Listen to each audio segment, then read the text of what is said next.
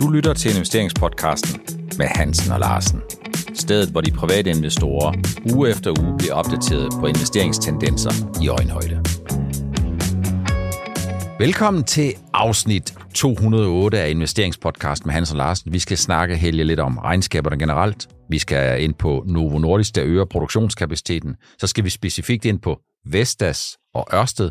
Vi skal kommentere lidt på det, som jeg har kaldt om Tesla holder ved et T-kryds, og om de er på vej til at ryge ud af The Magnificent Seven.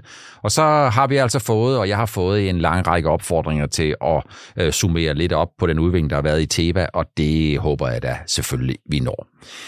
Generelt regnskabsindtryk, Helle, vi optager jo onsdag, og her onsdag der er der jo kommet en lang række regnskaber. Hvad tænker du indtil videre om de regnskaber, som vi har fået? Novo Nordisk, DSV, Nordea, Danske Bank, bum bum, Pandora, Ja, whatever. hvad skal jeg sige? De er jo sådan set i tråd med de forventninger, der har været til de her regnskaber. Det synes jeg, at den, den er gået rent ind. Altså, Der er ikke noget øh, større slinger i valsen. Altså, der vi snakkede lidt om her, før udsendelsen gik i gang. DSV, ja, den hænger lidt i bremsen der, men Mm. ellers er der ikke noget sådan, som, øh, som kan sige, jamen, det, det, er, det er som forventet.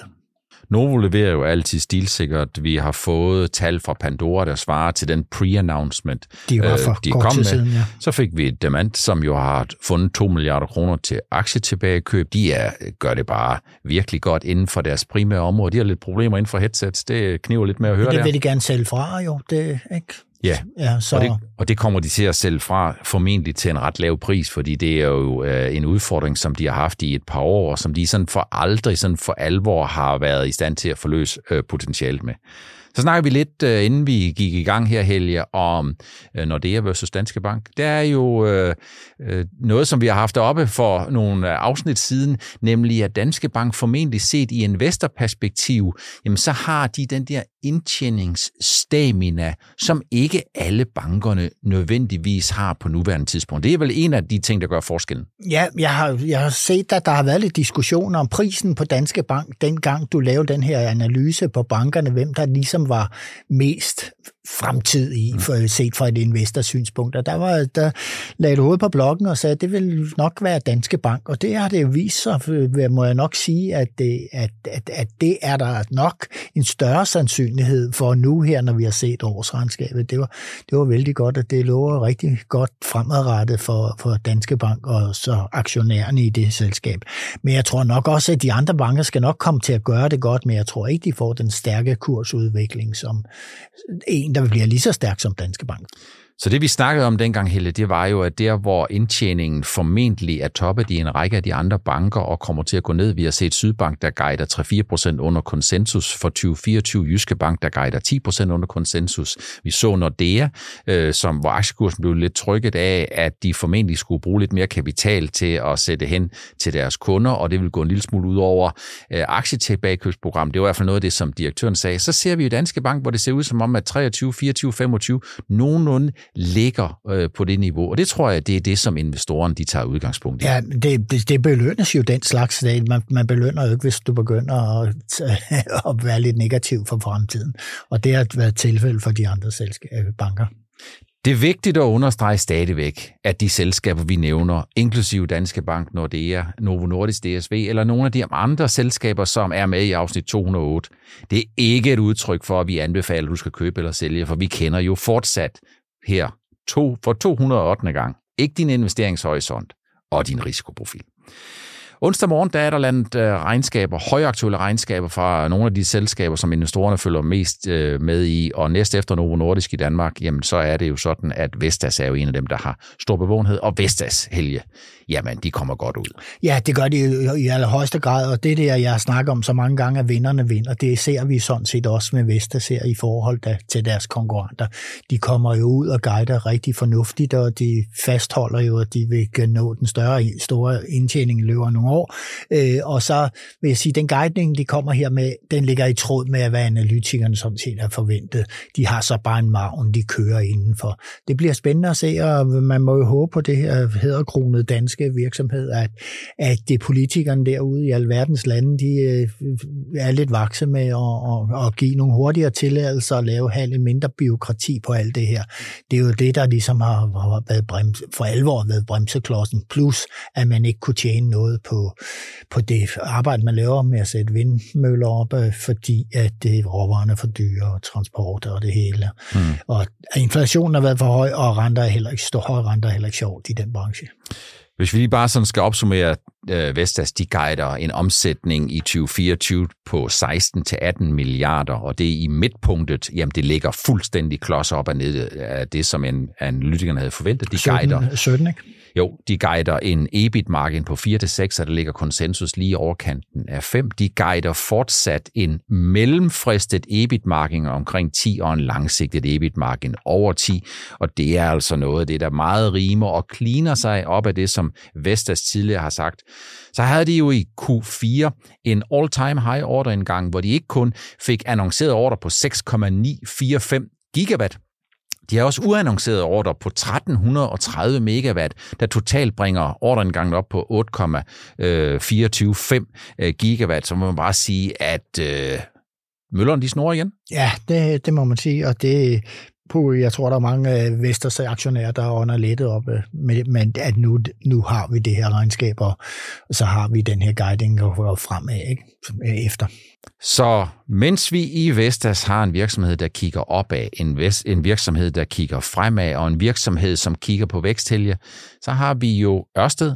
Øh, jeg tror, Ørsteds øh, fjerdekvartalsregnskab, det er et af det, som jeg vil ikke sige, at de fleste havde set frem til det, men de havde i hvert fald forventet, at Ørsted ville komme med svar på en række af de udfordringer, som Ørsted jo desværre har været ramt af i anden halvdel af 2023. Kommer Ørsted så med gode svar, synes du, på spørgsmål om kapitalsituationen, udbytte, vækst og ambitioner. Ja, jeg synes, de, de kommer rigtig godt rundt om det, og det skifter også ved en bestyrelsesmand, formand ud ikke, i samme øjeblik her. Der skal andre boller på suppen. Det vi ligesom kan sige, Ørsted har været sådan oppustet øh, grøn ballon. Øh, der har været alt for meget varm luft derinde, og det kunne altså ikke holde til, når der kom pres i, i markederne. Og øh, de har jo gået ind i, det er ligesom om, de har taget rev eller krat af, hvad de kunne, kunne, kunne komme ind i og havde mulighed for at projekter. Og da så, at det viser sig, at de her projekter, jamen de bliver ikke lønsomme for selskabet, så må Ørsted, ligesom rigtig mange andre større projekterende selskaber i den branche, så må de jo altså opgive de der øh, urentable øh, projekter. Og der har de været så langt ind i udviklingen, at de må tage nogle kæmpe afskrivninger. Der er jo 30 milliarder, de har afskrevet på alle de de der projekter, så vi, eller alt i alt, som ikke er blevet til noget her mm. i de senere par år. Ikke? Men de gør vel rent bord i den forstand, Helge, at de vil investere mindre, at de måske fremrykker nogle af deres exits lidt, sådan at der ikke er, ikke er tvivl om, at de har de penge, de skal bruge. Det er vel meget positivt. Jo, at de vil klare det over driften. For, for, for sådan en gammel konservativ forretningsmand som mig, så synes jeg, at det ser helt rigtigt ud at gøre det på den måde. Skære ned på øh, ambitionerne. De skal også få øvet ned på medarbejderstaben. Altså, de gør sig selv mere lean øh, i, i alt, hvad de har med at gøre og det er en rigtig, rigtig god idé at gøre, sådan så man lander på benene, og så derfor, så må man tage den derfra. Det er ikke så sjovt for investorerne lige pludselig at se, at der bliver skåret af på væksten og sådan noget. Men sådan er det bare, og så må man sige, jamen, det, det, det, det, er en af, det er en fornuftig måde at klare tingene på, og det vil jeg tro, der både analytikere og, og med også investorer, når det kommer til stykke, vil være meget tilfreds med at se. Det er sådan ligesom, en, øh, man skal top og bund af en sinuskur, man bliver lidt mere stabil, der bliver mind, lidt øh, mindre udsving, så man kan sige, dem som kigger opad og som kigger længselsfuldt efter plus 1000 i aktiekurser, de kommer til at kigge rigtig, rigtig langt efter det. Dem, der kigger nedad og frygter noget, der falder fuldstændig øh, øh, ud, bunden falder ud af den, jamen de kan formentlig drage et lettelsens suk.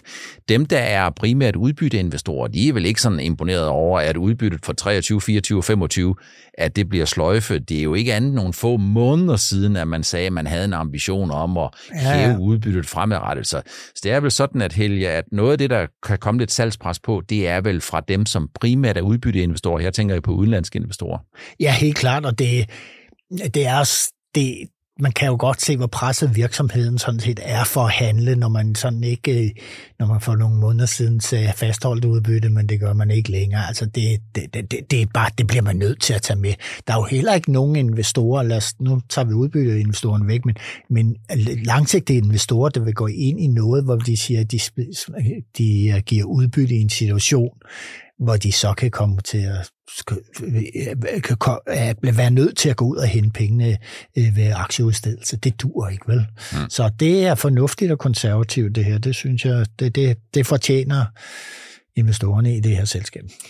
Vi slutter bare lige af med at konstatere, at det ser ud som om Mads Nipper han koncentrerer sin øh, position af nummer to og nummer tre, øh, måtte jo gå i Ørsted, og nu øh, går bestyrelsesformanden også, så jeg kan ikke tolke det her andet at det er et lidt mindre Ørsted, et mere disciplineret Ørsted, men også hvor Mads Nipper han, kon, han koncentrerer sin position, eller, er du, eller konsoliderer sin position. Er du enig eller uenig? Ja, det, det, det er jeg enig i. Altså, altså lad os se, hvad det bringer. Der har været nyt i den her uge fra ingen over ingen ved siden af Novo Nordisk. De køber produktionskapacitet og investerer øh, 11 milliarder dollar, øh, som, hvor de fra 2026 kan rampe op, altså de kan øge den der produktionskapacitet. Den gældsfinansierer de. Og det betyder jo noget for de investorer, som sidder og kigger på udbytte og aktietilbagekøb. Novo Nordisk har jo en tendens til at både kunne blæse og have mel i munden. De kan både udbetale udbytte, købe aktier tilbage, investere, og så er der penge i overskud kortsigtet koster lidt på indtjening. De siger, at det kan godt koste lidt her i 2024 og 2025, men aktien reagerede positivt på det. Er det et udtryk for, Helge, på dagen, at når der kommer noget fra Novo Nordisk, så siger investorerne, hvad fatter gør, er altid det rigtige? Hvad har vi bekymret os om i relation til Novo? Det er deres kapacitet. Øh, er det sådan, at de var, kan komme op i omdrejning og sælge alt det, der efterspørges?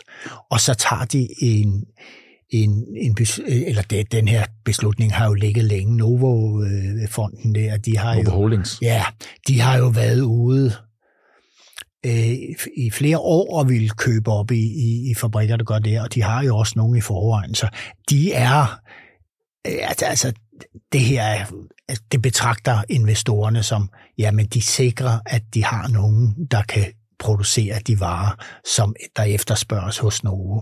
Og så vil jeg sige, at det, Novo siger, er jo så flinke, de siger, at uh, der er jo flere konkurrenter, der benytter de her. Ja. Er, ikke? Novo er så flinke at sige, at de eksisterende aftaler skal køre videre. Ja, selvfølgelig skal de det, men det kan godt være, at de ikke bliver fornyet. Det kunne man godt forestille sig. Det kan man sagtens forestille sig, ikke? altså, så ja, det, jeg tror faktisk, at der er rigtig mange, der nu bliver aksen sendt så meget op på det. Jeg tror, at det, der er rigtig mange, der tænker, det er simpelthen genialt træk, det her. Hmm. Men det har været støbskin. Vi skal fast forward. Et af de der selskaber, som jeg har fået rigtig mange forspørgseler på, det er jo, hvordan går det i Teva? Hvordan går det i Teva, siden Kåre Schulz forlod Teva i 2022? Hvis jeg bare lige skal lave et lille rundown på det, jamen så var det jo sådan, at efter min mening, så var Kåre Schultz, han var den helt rigtige mand på det rigtige tidspunkt. Teva havde brug for at få ryddet op efter en katastrofal overtagelse af Actavis i 2016, øh, hvor det aftryk, man fik tilbage, det var ikke kun, at man fik en gæld på 35 milliarder dollar, det var også, at deres hovedprodukt Copaxon, som er et sklerosemiddel, gik af patent. Øh, og samtidig så fik de opioidsaderne i USA. Det er jo fuldstændig den perfekte storm, og for at gøre for et spot til skade, jamen så er det også sådan, at det amerikanske marked for generika det viste en lidt anden udvikling. Ja, man kan sige, at Kåre Schultz var en rigtig mand på det tidspunkt, og, og jeg sad bare og tænkte, jamen, der er jo nyt søgsmål her, på, hver gang han møder på arbejde om mandagen, ikke? Mm. altså sådan i den periode, ikke? og han slog jo med renter og gælden og forstyr på det.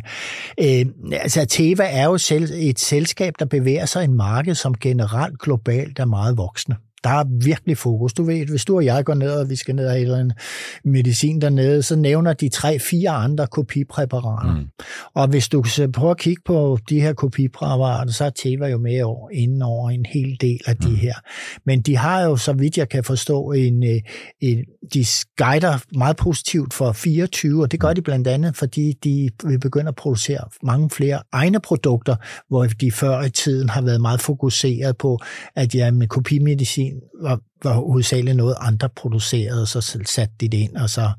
Kunne de gøre det billigere? Ja, som distributør. Men her vil de så tage til mere på egne produkter. Ja. Og det, det er meget, meget spændende, fordi der har du meget bedre marginer. Ikke? Du har bedre marginer, øh, og øh, noget af det, som, øh, som de øh, jo kører med, og der vil jeg da sige, at dem, som har interesse i Teva, gå ind og læs deres strategiopdatering fra maj måned 2023. Den ligger på Tevas hjemmeside der siger de jo, de skal være et mere fokuseret selskab. De skal ikke længere gå efter 85 procent af de produkter, der går af patent. De skal ned til 60 procent, de skal have færre fabrikker, de skal have mere komplekse generika, de skal simpelthen tjene nogle flere penge. Og overordnet set, alt det de gør, det giver faktisk rigtig god mening, synes jeg. Og når man kigger på, hvad der driver en aktie, så er det jo sådan, at det, der driver en aktie, det er jo vækst. Og hvis der ikke er vækst, så skal amerikanerne ikke have noget. Og så nu siger man godt nok, at det er de selskab, selskaber, det er fuldstændig rigtigt. Men Teva bliver jo prissat i USA. Så hvis man har vækst i USA, så er det godt. Hvis man ikke har vækst, jamen så er det ikke så godt. Og Teva har jo ikke haft nogen vækst, ikke nogen betydende vækst i omsætning de sidste fem år.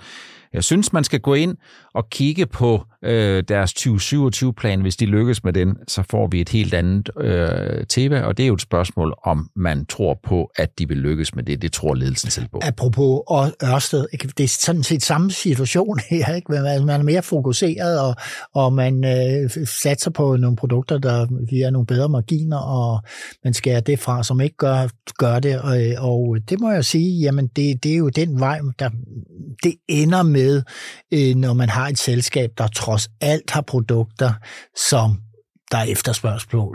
Det er der på vindmøller og hvad de ellers laver hos mm. Ørsted, og det er der på generisk medicin i høj grad. Så det, der skal drive væksten, det er jo nye produkter. Det er jo egne produkter, hvor man i stedet for at sidde og kigge på en marginalhælde, der hedder 10-20, så sidder man og kigger på en, der hedder 80-90. Så er det ikke sådan nogenlunde, hvis man kigger på øh, nogle af de egne produkter, som selskaberne har. Jo, det, det, men det kommer rigtig, rigtig højt op. De er ikke, de er ikke så glade for at nævne det højt, men, så på en eller anden måde, så tager de nogle ting, ikke? så de siger, det er 60-70, men det, det, det ligger op i det lavte, og det koster ikke meget at lave mange af tingene. Men du må regne med, det generiske sælges jo også til lavpris. Mm. Altså, på den side, så der er mindre kroner i det, end der er for så længe et produkt er på i patent. Ikke? Der er det, tjener man langt, langt mere per enhed. Og man, man må også bare sige, at øh, selvom produkterne er dyre, så er det også dyrt at bringe noget til markedet, og det er jo stadigvæk sådan, at ja. jeg tror, det er med Novo Nordisk tal, og det som alle andre også siger, det er mere end 95 procent af de forskningsprojekter, man starter, de viser sig faktisk ikke at klare hele vejen gennem klinikken. Ja. Så det er ikke et udtryk for, at man bare kan producere nogle hjemmelavede produkter, og så få dem solgt til en høj pris, der er rigtig meget, inden man kommer helt i mål med det. Jeg må lige sige med Teva, at det virker som om, at analytikerne ligesom er stået af på aktien. altså, kan du huske, hvor meget gang i den? Der var meget tidligere. Mm. Men Jefferson har været ude og meget positiv på aktien her, og det er jo nogle af dem, som, som eller Jeffries, undskyld, ja, ja. Som, som, øh, som arbejder meget, meget inden for pharma og biotech. Så, så øh, den kan man prøve at google og så se, hvad de skriver i deres analyse. Vi skal til noget helt andet. Øh, noget af det, som vi har jo snakket meget om i 2023, det er de fantastiske syv og de tre fede. Nu skal vi snakke om de fantastiske syv, og vi skal i hvert fald snakke om de fantastiske syv er ved at blive til seks. Vi har jo fortsat en fuldstændig fantastisk udvikling i Nvidia. Vi har set Facebook, som på fem kvartaler er gået fra kurs 90 til 450. Microsoft, Apple, Amazon, Google jamen øh, de er ret konstante i, øh, i øh, det der sekserfelt. Men der er jo en, som hænger lidt i bremsen, kan man sige. Det er Tesla. Hænger de ved et T-kryds i øjeblikket, Helge, eller hvad er den aktiekurs, som er kørt 25% baglæns i 2024 et udtryk for? Den er jo et udtryk for, at man ser jo lige pludselig, at, at Tesla det, der er konkurrence i den her verden, altså, og så må man sige, efterspørgselen på elbiler er rent faktisk i store dele af verden i slet ikke så stor, som man har regnet med generelt. Mm. Øh, øh, Syditalien og alle mulige andre steder, eller Italien, eller man kan jo ikke, alle, alle de der mål, man har om at sætte ladestander op, der, der er masser af bremseklodser. Mm. Og det er faktisk i Europa, man blandt andet ser, at øh, Tesla har det vanskeligt lige pludselig. Øh, og jeg tror også, at Tesla, at, jamen det her med, at de sætter priserne ned på deres biler, jamen det gør investorerne øh, bekymret. Mm. Øh, så det er jo i hvert fald noget med til, at dem, det netværk, jeg kender, der har haft Tesla, de tænker meget over det her. Jamen, de kommer ikke til at tjene alt det her. Men nu er Tesla jo en del andet end bare biler. Og der har vi en tråd inden for ProInvestor, hvor der er en, der som virkelig er vild med, med, med Tesla, en der hedder Stockbull, og han beskriver en masse ting, som jeg ikke rigtig tænkt over med Tesla. Han siger, det ligger forud, det her med kunstig intelligens, og jamen så må vi jo se, hvor det fører hen, men øh, forløbig, så er det jo vækst, man skal have, hvis man skal have øh, succes, eller hvis man skal være mellem de her syv fede, fede derovre, og det har Tesla ikke.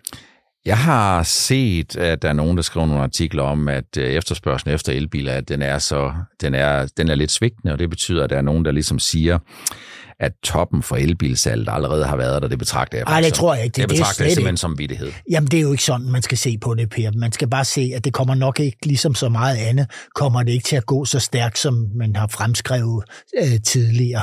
Altså, man har jo været oppe i nogle helt vilde tal, og jeg har tænkt, jamen hvad sker der? Altså i Tyskland kan du jo se, der har man jo en pæn tilbagegang, fordi man ikke giver tilskud til det længere. Ikke?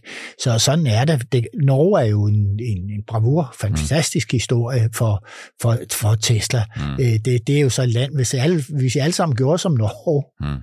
Øh, jamen så vil Tesla ikke have nogen problemer, men det, det, det går langsommere i mange andre lande i verden. Nu kan jeg jo godt lide nordmænd. Det er ikke nogen hemmelighed, men jeg er nødt til at sige, at det kan være, at det er en, det er en afsløring, jeg kommer med her. Men for nordmændene, der er det jo sådan, at de er jo grønne i tankerne, men de er også... Ja, de, de, de kender jo også deres, øh, deres tegnebog. Ja, ja. Og hvis det koster 2 eller 24 kroner at hælde en liter diesel på, og de har ret meget billig strøm, så tror jeg, det er en af årsagerne til, at der er så mange elbiler i Norge. Hvad siger du til det? Ja, jeg, ja, ja altså der, de har også lavet nogle gode systemer omkring storbyerne. Mm. Det er jo storbysfænomen med alle de der elbiler først og fremmest. Der er, lang, der er stor afstand mellem tingene i resten af Norge. Ja. Og der tror jeg nok, folk de hellere vil, vil køre i en dieselbil, indtil alt det andet infrastruktur kommer på plads. Så hvis man kigger på udviklingen, Helge, så er det jo nok en kombination af, at den, øh, det elbilsleverance, som jeg tror var 1.807.000, 1.808.000. Det ramte de fint, jo. I 23, som de ramte fint. Og så snakker de om 2,2, øh, op til 2,2 i 24. Det er en vækst på 20 procent, og det er jo fuldstændig fantastisk, men det er jo noget under det, hvor de har været, og det er vel en af årsagerne til, at investorerne bliver lidt lunkne, plus at indtjeningsforventningen kører lidt ned. Ja, det er jo det, jeg snakker før med væksten. Altså, mm. det er det, ikke? Og så har du de der lavere marginer, så det, det bryder man sig ikke rigtig om. Nu ser vi jo fantastiske væksttal inden for for eksempel kunstig intelligens, ikke? Nvidia og så videre, ikke? Øh, og, det, og, det, og det bliver man ligesom bedøvet af, og det får man masser af dopamin i hjernen, når man er investor i USA, åbenbart, ikke? Kan man forestille sig, Helge, at hvis der er meget fokus på AI, at Tesla er ved at glide lidt ud af den der gruppe af selskaber, som, øh, hvad skal man sige, blev trukket med op af AI? At, ja, sigt. men der er der jo nogen der er det her, der rigtig er fan af Tesla. Tesla undskyld, ja. ja. Øh, jamen altså, de mener jo, at øh, Tesla kommer med noget inden for AI, som vil slå alt muligt andet. Mm. Altså, jeg har ikke fulgt med på, det, på den front, men øh, det vil jeg da prøve at se at sætte mig lidt ind i. Over lange perioder, så er det også sådan, at aktiekursen i Tesla, den handler jo om andet end indtjeningsudvikling og vækst. Den handler jo om Elon Musk. Ja. Og noget af det, som jeg kunne læse mig til de seneste uger, det har været, at bestyrelsen de føler, at øh, Elon Musk kan sidde og puste dem lidt i nakken. Det er jo ikke godt, hvis de føler, at deres uafhængighed bliver beklikket. Nej, og så begynder de at nævne, at de er ikke glade for, at han øh, øh tager så øh, en joint en gang imellem, og ikke lægger skjul på det, og det, det, det må jeg nok sige, hvor vi lige henne, og så noget bliver luft drøftet for at åbne døre i, i så stort selskab, det skulle de nok prøve at finde ud af internt. Men øh, der har jo ligefrem været forslag frem om, at Elon Musk skulle træde af, og hvad han skulle i hvert fald sættes ned i løn. Mm. Det er også en pæn løn, han får for det job der, ikke? Jo, det tror jeg ikke, man skal, det, det tror jeg måske ikke, man skal fokusere helt så meget på, man kan jo ikke gøre noget ved det. Øh, jeg tror jo stadigvæk... Nej, det tyder jo på, at der er lidt på de indre linjer. Så... Ja, det tyder på, at der er nogen, der har behov for at lufte nogle tanker, men jeg synes jo stadigvæk, altså Elon Musk er jo Tesla, og Tesla er Elon Musk. Tænker du ikke det? Jo, han, det, det er da helt klart, men det kan godt være, at øh, han skulle have positioneret sig andre, anderledes i selskabet, og så kom der måske lidt ro på den front. Når vi nævner det, så er det jo ikke fordi, at det har noget med indtjeningsforventningerne at gøre, hvad Elon Musk kan nødvendigvis gøre en torsdag eller en fredag. Men så er det fordi, at det, som man gør, og den kommunikation, der er rundt omkring, den bliver jo til noget forventningsstyring, som får nogen til at købe eller sælge. Det tror jeg altså, at det er en del af den støj, som bevæger aktiekursen. Ja, altså aktier, som der, der, hvor, hvor, hvor investorerne sådan ligesom, mange af dem er forelsket i den aktie, ikke? Øh, og, og man kan jo dårligt snakke med en Tesla-fan og kunne sige, pip lidt om lidt kritisk om det. så, så, så går lige debatten pludselig op på de høje navler. Og det er der jo rigtig meget i, i Tesla. Altså meget mere end, end så meget andet. Mm. Så jeg vil sige, jamen, hvis, hvis ens følelser skuffes af den øh, aktie, man er, er så forelsket i og er glad for, øh, så kan man godt blive sur og sælge sin aktie, og så falder aktiekursen. Ikke? Altså, der mm. kan godt komme meget volatilitet i sådan en aktie, det har vi jo i hvert fald set Tesla til tider. Men dertil skal vi så sige, at den hvad market cap på den her, så er det ikke meget Den ligger stadigvæk omkring 600 milliarder, så Tesla er jo stadigvæk en kommersiel gigantisk succes. Fuldstændig, ja. Det er vigtigt at understrege, at det er jo ikke en opfordring til at sælge eller købe i Tesla, for vi kender jo ikke, om du har øh, investeringshorisonten og risikoprofilen til det. Det var det, vi havde valgt at tage med i ugens afsnit 208 af Investeringspodcast med Hansen og Larsen. Tak fordi du stadigvæk følger med, og tak fordi du stadigvæk synes, det er interessant at blive investeringsopdateret på det, der sker på lige under kanten af 30 minutter. Vi ses og høres ved i næste uges afsnit 209 af Investeringspodcasten med Hansen og Larsen.